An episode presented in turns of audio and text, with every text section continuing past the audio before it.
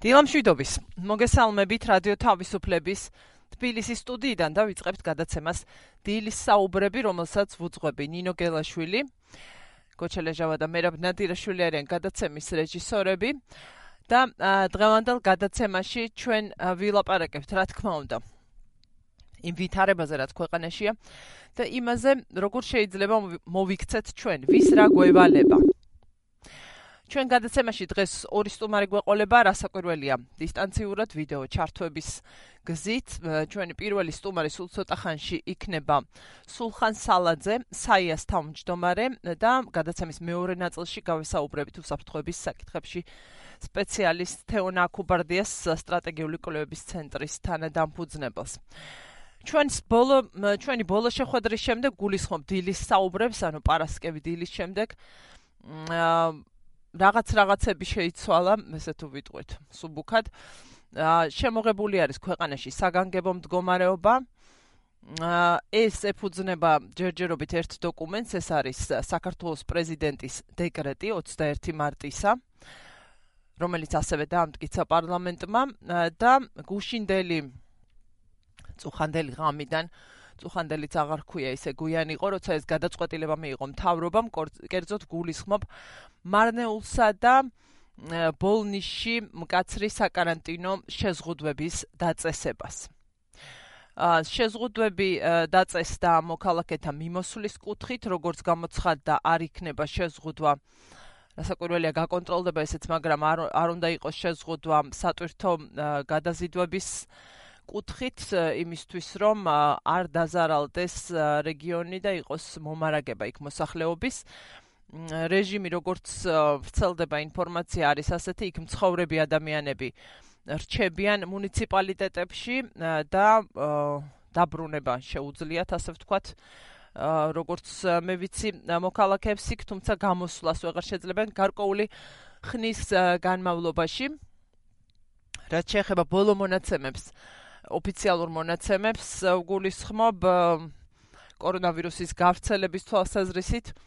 განახლდება ეს ინფორმაცია. ნახევარ საათში დაახლოებით იქნება ბრიფინგი, არ ვიცი იქნება თუ არა ცვლილება, მაგრამ ბოლო ინფორმაცია იქნება და ვნახავთ რა სიტყვის ინფექციური საავადმყოფოს წარმომადგენელი, ახლა კი რიცხვები ასეთია. კორონავირუსის დადასტურებული შემთხვევა არის 54 საქართველოში, მათ შორის გამოჯამრთელებული არის 3 პირი каранტინის რეჟიმში.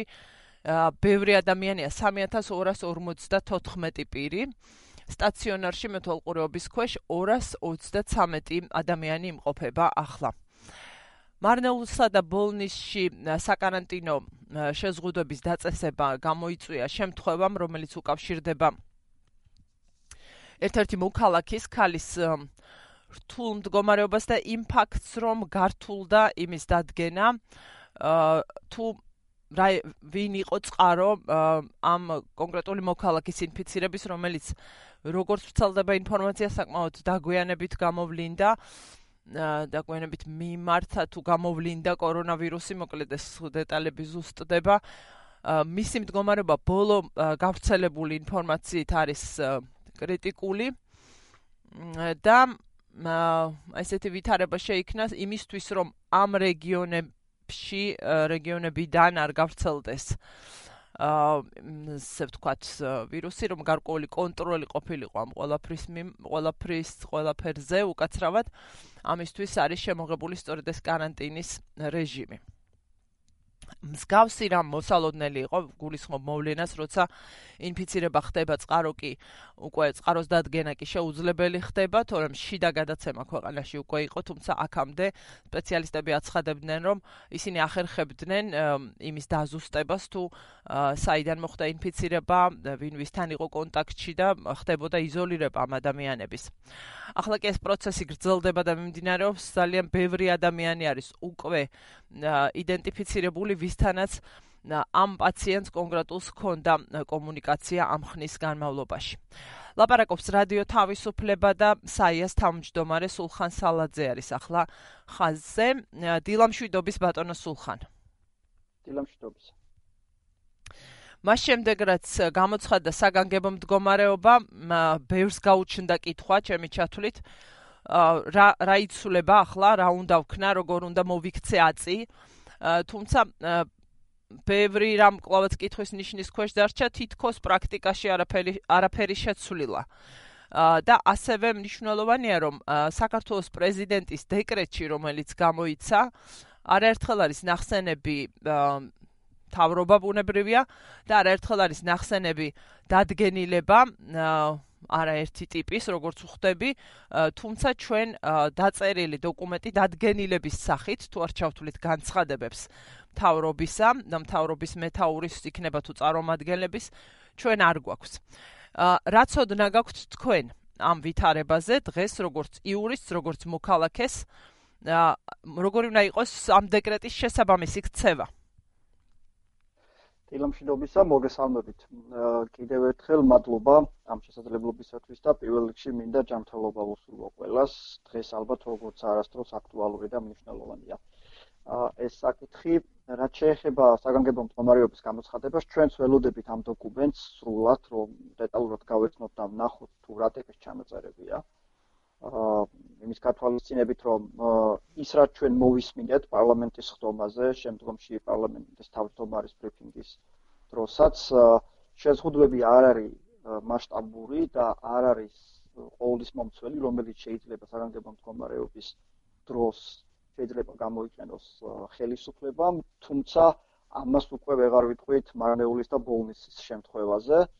იქ არის სხვა მოცემულობა პრაქტიკულად და ვფიქრობ, რომ ხელისუფლება მოქმედებს სწორად ამ მოცემულ სიტუაციაში, რადგანაც თუ კი ფიქსირდება ფაქტი კონკრეტულ მუნიციპალიტეტში დასახლებაში, სადაც მოხლა აიანაც არის ადამიანი, რომელიც დაინფიცირებულია და ვერ დგინდება ამ კონტაქტების სრულისია ან ვერ დგინდება კონკრეტული პირი ვერ ამბობს ის ვერ იხსენებს ან შეუძლებელი შეუძლებელია უბრალოდ ფიზიკურად მისთვის უთხრას სამ წარმომადგენლებს თუ საიდან და როგორ დაინფიცირდა ის. ცხადი ასეთ შემთხვევაში საკარანტინო ღონისძიებების გატარება. ეს არის ერთ-ერთი საკითხი რამაც პრევენცია უნდა მოახდინოს რომ მასობრივად გავრცელება არ მოხდეს არა უბრალოდ ერთ კონკრეტულ დასახლებაში ზოგადად ამ დასახლების გარეთ, რაც ასევე მნიშვნელოვანია. რაც შეეხება თავისთავად ამ გადაწყვეტილებას, რომელიც ჩვენ მოვისმინეთ ბოლო დღეებში, ალბათ მთელი იყო, რომ ნელ-ნელა მიდიოდა სახელმწიფო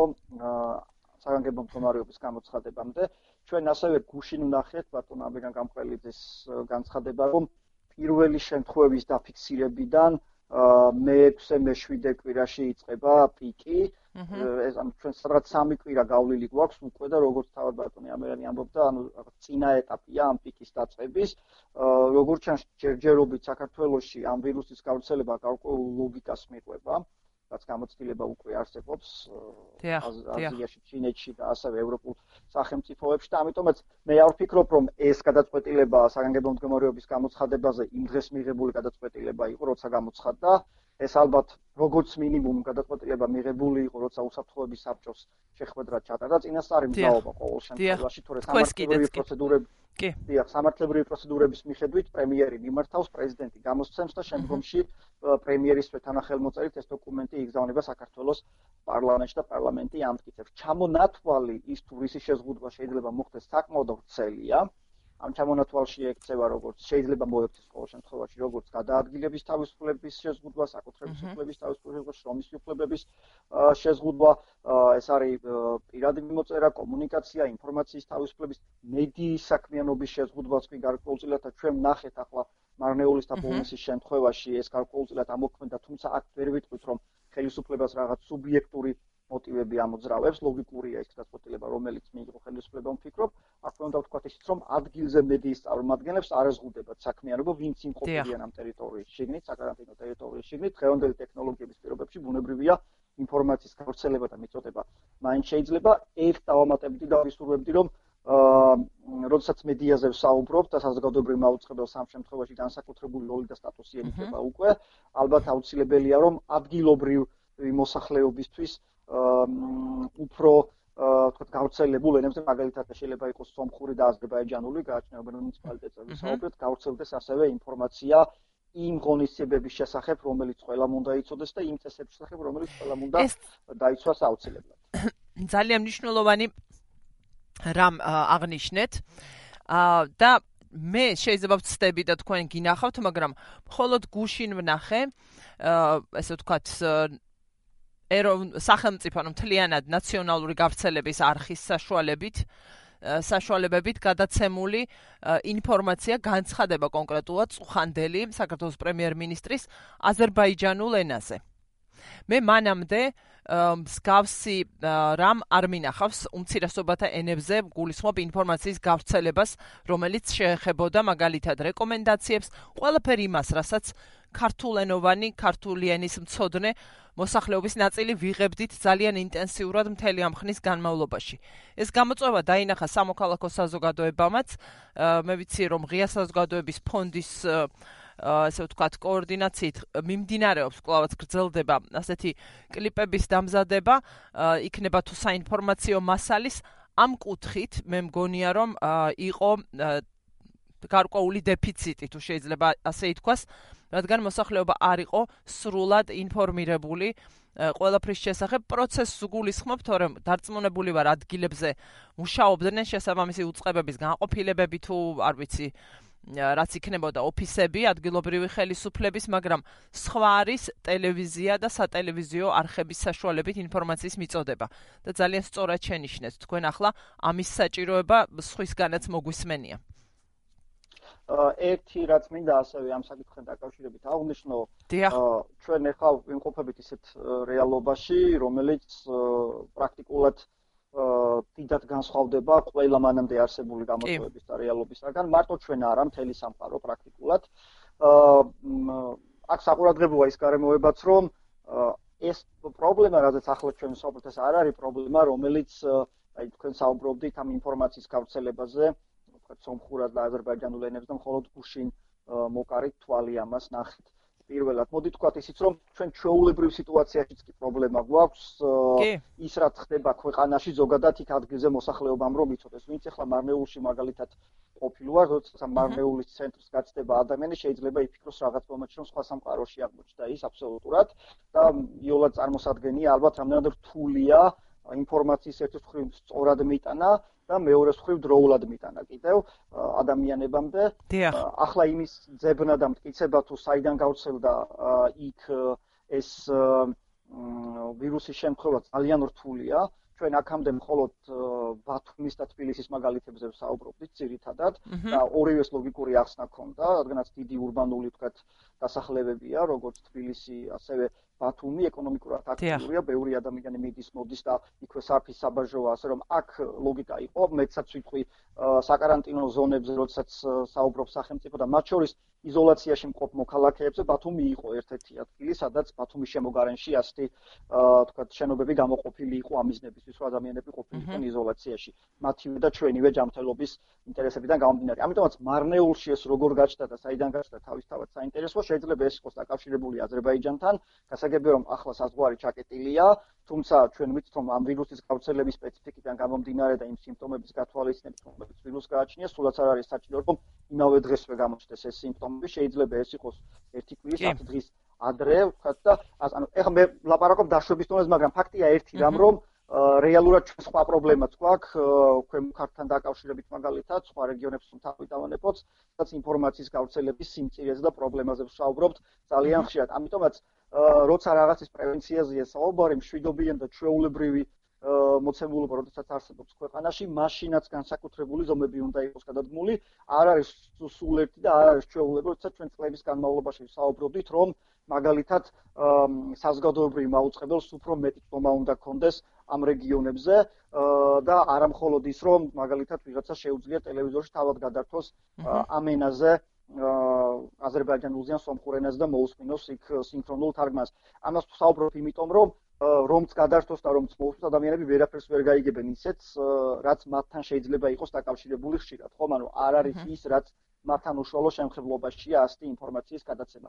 აქედან გამომდინარე, კარგია თუ ეს რაღაც ერთგვარი გაკვეთილი იქნება, მათ შორის იმისათვის, რომ ჩვენ სამომავლოდ უფრო ეფექტურად შევძლოთ ინფორმაციის მიწოდება და გავრცელება. არავინ არ დაობს იმაზე, რომ დღეს მედიიდან სატელევიზიო მედია ყველაზე ესე ვთქვათ დიდი დაფარვის არეალის მქონე საშუალება, ყველაზე მეტი მომხმარებელი თუ მაყურებელი იქნება ყავს სწორედ სატელევიზიო მედიას, ამიტომაც ეს როგორც ერთის მხრივ ინსტრუმენტი და ბერკეტი უფრო აქტიურად უნდა იყოს გამოყენებული ასეთ დროს. კი ბატონო, სწორად აღნიშნავთ და ამას აიმიტომ მესმის რატომაც ლაპარაკობ, ძალიან დიდი მნიშვნელობა აქვს ადამიანების ქცევის განსაზღვრისთვის. აი ვერაფერს დავამტკიცებთ ახლა, მაგრამ შესაძლებელია ბუნებრივი 100%-ით დაცული დღეს ვერავინ არის ამ ვირუსისგან, თუმცა შეიძლება გამოეწვია გარკვეული ქცევის ცვლილება, რაც ძალიან მნიშვნელოვანია ამ პროცესში. ბატონო სულხან, ზარი გვაქვს ეთერში, თუ შეიძლება მოვუსმინოთ და გავაგრძელოთ. დილამშვიდობის გისმენთ. დილამშვიდობის. გამარჯობა. მე რასთან დაკავშირებით მინდოდა, აი ავტობუსები მაგალითად დადის ქალაქში და ბათუმიდან გაკავე მაგალითად ავტობუსები დადის და მიკროავტობუსები არა, ჩემი აზრით ავტობუსებში ზოგჯერ უფრო მეტი საფრთხე იქმნება. ვიდრე მიკროავტობუსში. მიკროავტობუსში მძღოლ შეუულია, რამდენი თქვა დასაჯდომი ადგილია, იმაზე მეტი მგზავრი არ ამოუშვას, ფეხზე არ იდგეს ავტობუსში, ხანდახან პიკის საათებში იქნება, შემოიქნება შემთხვევა, რომ ფეხზე დგას ხალხი და ერთმანეთთან ძალიან ჭიდროდ. მე ყველაფრის დაკეტვა, ჩემი აზრით, არ შეიძლება. და მაგალითად სანტექნიკის მაღაზიები. თქვა სახში ადამიანს დაჭირდა ონკანი, ან გასკდა, ან ტრუბა, ან რაღაცა. ნუ რა ქნას, ყველაფრის გაჭერება მეც მიფიქრია, კი, კი, კი. ჩემი აზრით, ჩემი აზრით არ შეიძლება რატომ მე სანტექნიკის მაღაზიაში რიგი არსად არ მინახია. თუნდაც ტანსაცმელის მაღაზიაში საათში გერა დღეში 1-2 ადამიანი შედის ალბათ. არ იყო საჭირო უბრალოდ გავაფრთხილოთ ყველა რომ კონტაქტი არ შეიძლება, ნუ უცხოსთან ხელის ჩამორთმევა გადათავისთავად მესმის. ეს და ასე რომ ან მაგალითად მანქანები დადის, ხო? ტაქსი მაქსიმის მძღოლი ვარ, მანქანები დადის, საბურავს უნდა დამატება.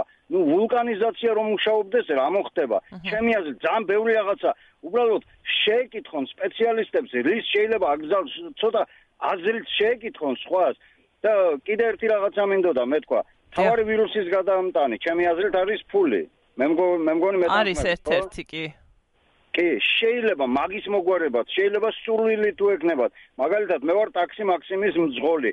ყველა ტაქს, რო ჯერთი ტაქსის რეგულაციაზეც მე დიახ. მაგ ჩემი აზრით თუ შეიძლება მოკლედ გეტყვით. არა, ეხა არ გვინდა რა ბოდიში. რეგულაცია იქნებოდა ყველა მძღოლს დაუდგან ერთნაირი მრიცხველი და გადახდის აპარატი. საერთოდ არ იქნება ფულის მასა საჭირო, გაატარებს ბარათი და всё.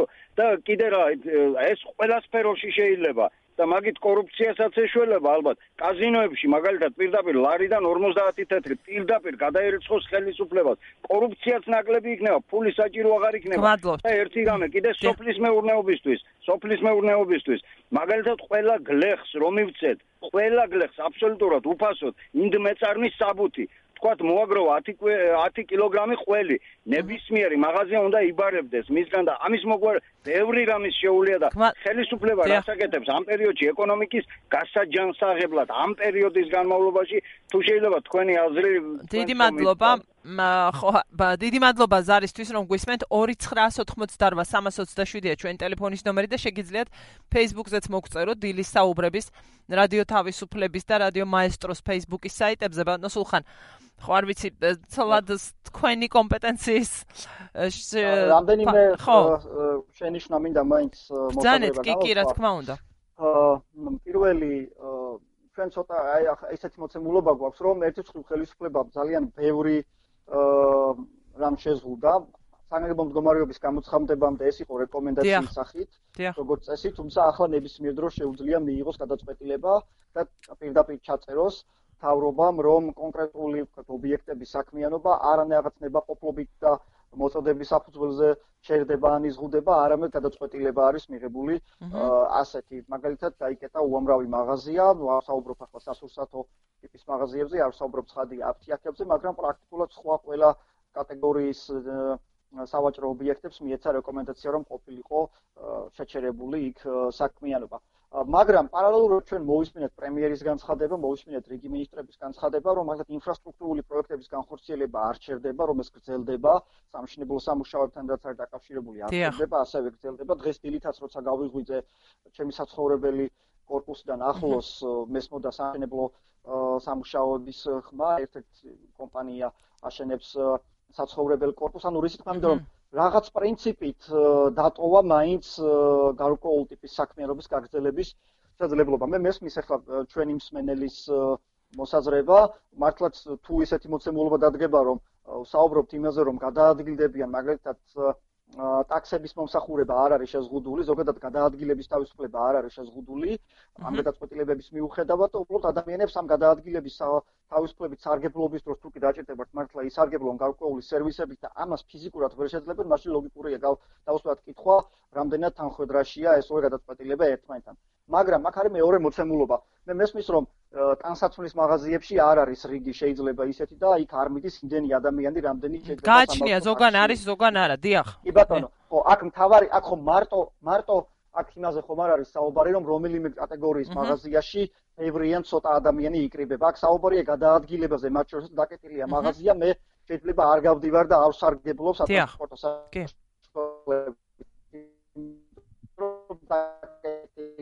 ხარვეზია. ხო, დიახ. ესეთი მეორე, როდესაც საუბარია ავტობუსების და მიკროავტობუსების შედარებაზე, აქ აქ განსაკუთრებული ყურადღება უნდა გავამახვილოთ იმაზე, რომ სახელმწიფო და თვითმმართველობები, როგორც წესი, იმ ტრანსპორტს, რომელიც მუნიციპალურ დაქვემდებარებაში დეზინფექციის ვალდებულებას იღებენ. ეს არის მნიშვნელოვანი ელემენტი, მაშინ როდესაც კედო სამარშრუტო და თქვა ტაქსები, ეს არის კედო საკუთრება და როგორც წესი ის არ ექცევა მუნიციპალური რაღაც დეზინფექციის ფარგლებში. ეს იყო ერთ-ერთი მოტივი, თუმცა ვეთანხმები მსმენელს იმაში, რომ ბუნებრივია პიკის საათში ახლა მით უმეტეს უფრო მეტი ადამიანი შეიძლება თავს იხრიდეს. და იქაც შეეძლო დაევალდებულებინათ დეზინფექცია.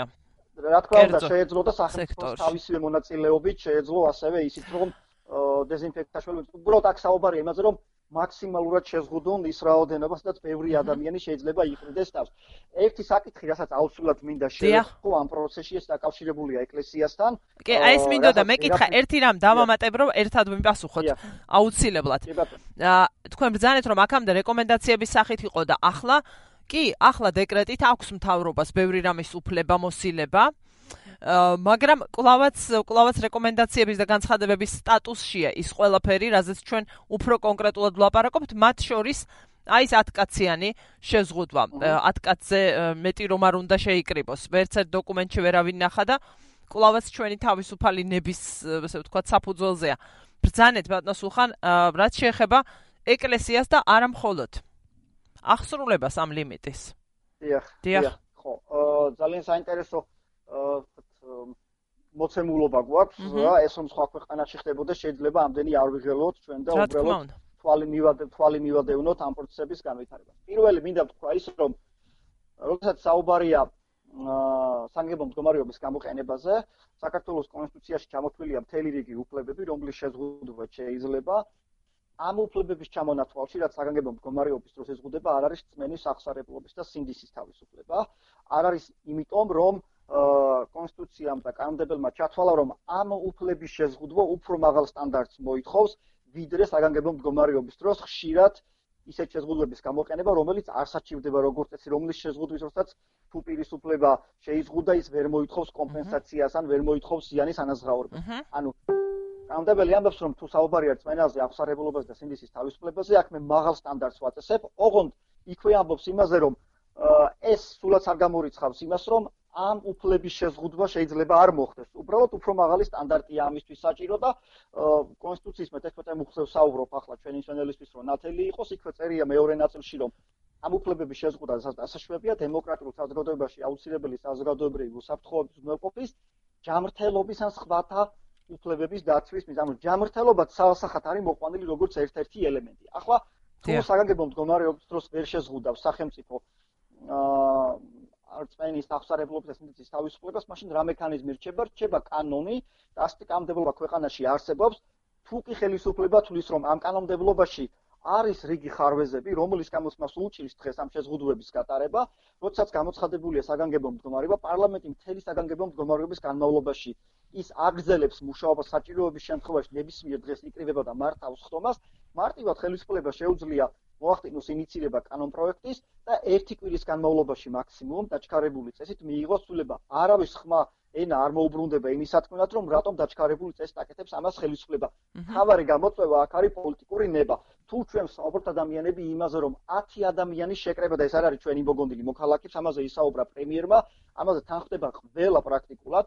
თუ ჩვენ გვეუბნებიან რომ მოახდინეთ დისტანცირება საზოგადოებრივი თავშეყრის ადგილებს მოერიდეთ ნუ იქნებით მეტრი ან 2 მეტრზე ახლო დისტანციაში ერთმანეთთან. ეს უცელდება ყველაზე აბსოლუტურად. განსაკუთრებით ეს საფრთხილოვარი და საყურადღებოარი დახურულ სივრცეებში და ეს ვრცელდება აბსოლუტურად ყველაზე. არ აქვს მნიშვნელობას რელიგიური გაერთიანება, ეს არის საერთაშორისო დაწესებულება და სხვა რომელიმე. თავარი პრობლემა არის პოლიტიკური ნებაში და მე მგონია რომ ხელისუფლება ბრჭყალებში ვამბობ ახლა რასაც ვიტყვი შორს იყურება ამ შემთხვევაში რადგანაც 2020 წელი მაინც არის საარჩევნო წელი და არ უნდა ურთიერთობის გაფუჭება ეკლესიასთან. მაგრამ აქვე უნდა ვთქვათ ისიც რომ ამ ურთიერთობის გაფუჭებისაგან თავის დაზღვევის რაღაც მცდელობების მიუხედავად შეიძლება ჩვენ ისეთ სიტუაციაში აღმოჩნდეთ, რომ არავის აღარ ახსოვდეს 2020 წლის საპარლამენტო არჩევნები რამოდენიმე კვირის შემდეგ. ასე რომ სამწუხარო ის არის რომ ჩემთვის მიუხედავად იმისა რომ არაფერი სიურპრიზი ამაში არ ყოფილა, მაინც ველოდი რომ ვინმე შეყოფოდა ნების ყოფა ხელისუფლების მხრიდან უფრო მკაფიოდ და ნათლად ეთქვა ეკლესიასთან დაკავშირებით. მე არ ველოდები ამას ეკლესიის მხრიდან და არც ვითხოვ მათი მხრიდან სიმართლე გითხრათ ამ ინფორმაციის გაჟღერებას, იმიტომ რომ მე არ ვირჩევ არც თქვა რომელიმე თავარს, არც რომელიმე თქვა რიგით მღდელს, ეს მათი გადასახადი. თუმცა ვაფინანსებთ ძილად ბატონო სულხან. დიახ. დიახ, გასაგებია, გასაგებია, ახლა ჩვენს ნებაზე რომ იყოს ბევრი რამე შევთვლით, მაგრამ სამწუხაროდ არ არის ჩვენს ნებაზე ბევრი რამე, მაგრამ ჩვენ ნამდვილად ვირჩევთ ხელისუფლებას, პარლამენტს, ამ შედეგების გათვალისწინებით კომპლექტება მთავრობა და მათი ვალდებულება, ისინი არიან ვალდებული უზნელყონ ჩვენი უსაფრთხოება და ჯანმრთელობა და პირდაპირ მნიშვნელობით ეკლესია. ამიტომაც ჩვენ თავარი მოთხოვნა დღეს იმაზე კი არ უნდა იყოს, რომ ამიდან გამყელიძემ რატომ არ თქვა, პაატაიმინაძემ რატომ არ თქვა, მათ თქვეს ის და მათ ვალდებულება გააჩნიათ.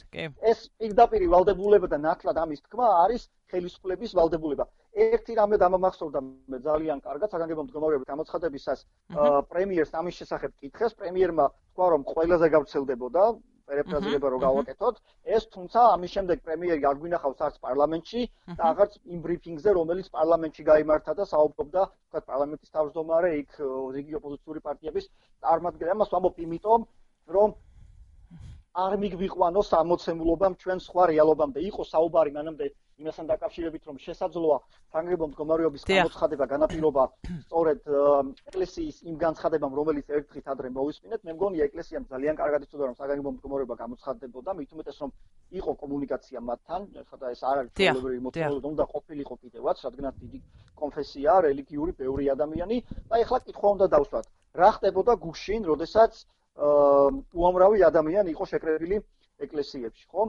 მე არ ვეხები ბუნებრივია არავის რწმენის აღსარებლობის და სინდისის თავისუფლებას, ეს ყველა სუფლება აბსოლუტურად და მე აქ ვერ ვხედავ პრობლემას ამ უფლების რეალიზებაში, მაგრამ როდესაც საუბარია ჯანმრთელობაზე, საუბარია იმაზე, რომ ადამიანები შეიძლება დაავადდნენ და ეს მასობრივი გავრცელების წინაპირობა გახდეს, თუ ლაპარაკობთ შეზღუდებზე და ლაპარაკობთ ესებზე, ეს ეხება ყველას. გარდა ამისა, ჩვენ ხშირად მოვისმინეთ, რომ აი ერთი შემთხვევა დაგვისახელეთ, რომ ზიარებისას დაავადება გავრცელდება. ხო, მესმის იყო. მე არ ლაპარაკობ, ჩვენ არ ლაპარაკობთ ხოლმე ზიარების ნაწილზე და მე არ შევდივარ ამ ვიწრო რელიგიურ დისკუსიაში, მაგრამ ზიარებამდე ადამიანი ხომ უნდა მივიდეს ეკლესიაში ხომ უნდა არც ეს უკულები არც ეს თქვა არც ეს უკულებია მეცნიერულად ვინმეს ხომ ეხა ვერავინ ვერ იტყვის რა თქმა უნდა და ეხა ჩვენ გვახსოვს მე-20 საუკუნის დასაწყისში ხოლერას დროს პატრიარქიც არის გარდაცვლილი საქართველოს ხომ?